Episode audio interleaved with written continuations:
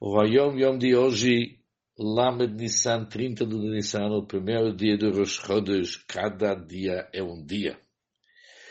Os fabrengues reuniões racídicas de Sudash Lishit, Shabbat Mevachim e datas especiais, Rosh Chodesh ou dias festivos do Enash, devem ser realizados no shul na sinagoga.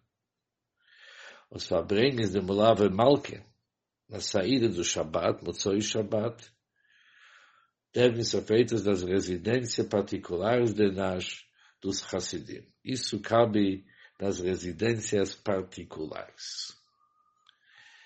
É interessante que isso é uma carta, faz parte de uma carta do Friedrich Rebbe para o Rabino Slonim, Azriel Zelig Slonim, Jerusalém, onde que o Friedrich Rebbe escreve pelo seguinte, sobre a tua pergunta qual que é o melhor lugar de fazer o Fabrengen, já que existe uma vantagem de fazer um Fabrengen numa residência particular, e há uma vantagem de fazer o Fabrengen na própria sinagoga, a seda, a ordem é o seguinte, que quando é um Fabrengen do Sudash Lishit Shabbat Nevachim, e Yom de Pagre, datas especiais, Rashi Hadosh, Hadoshim, as festas do Anash, festivos, dias festivos do Anash, isso deve ser feito na sinagoga que nem diz nos Hayom Yom.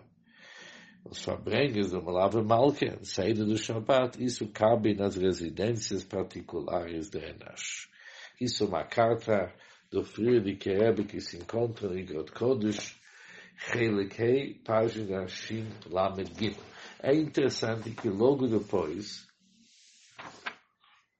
na mesma data, tem mais uma carta para Refoel Nachman Shiiche Cohen, o pai do Rabi Yoelkan.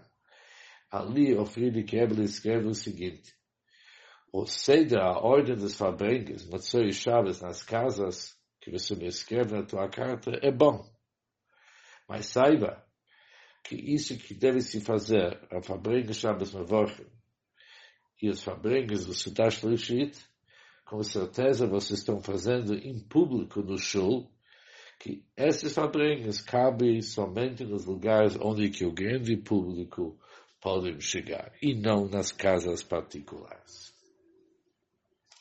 Um bom dia para todos e muito simche e bastante Fabrengas.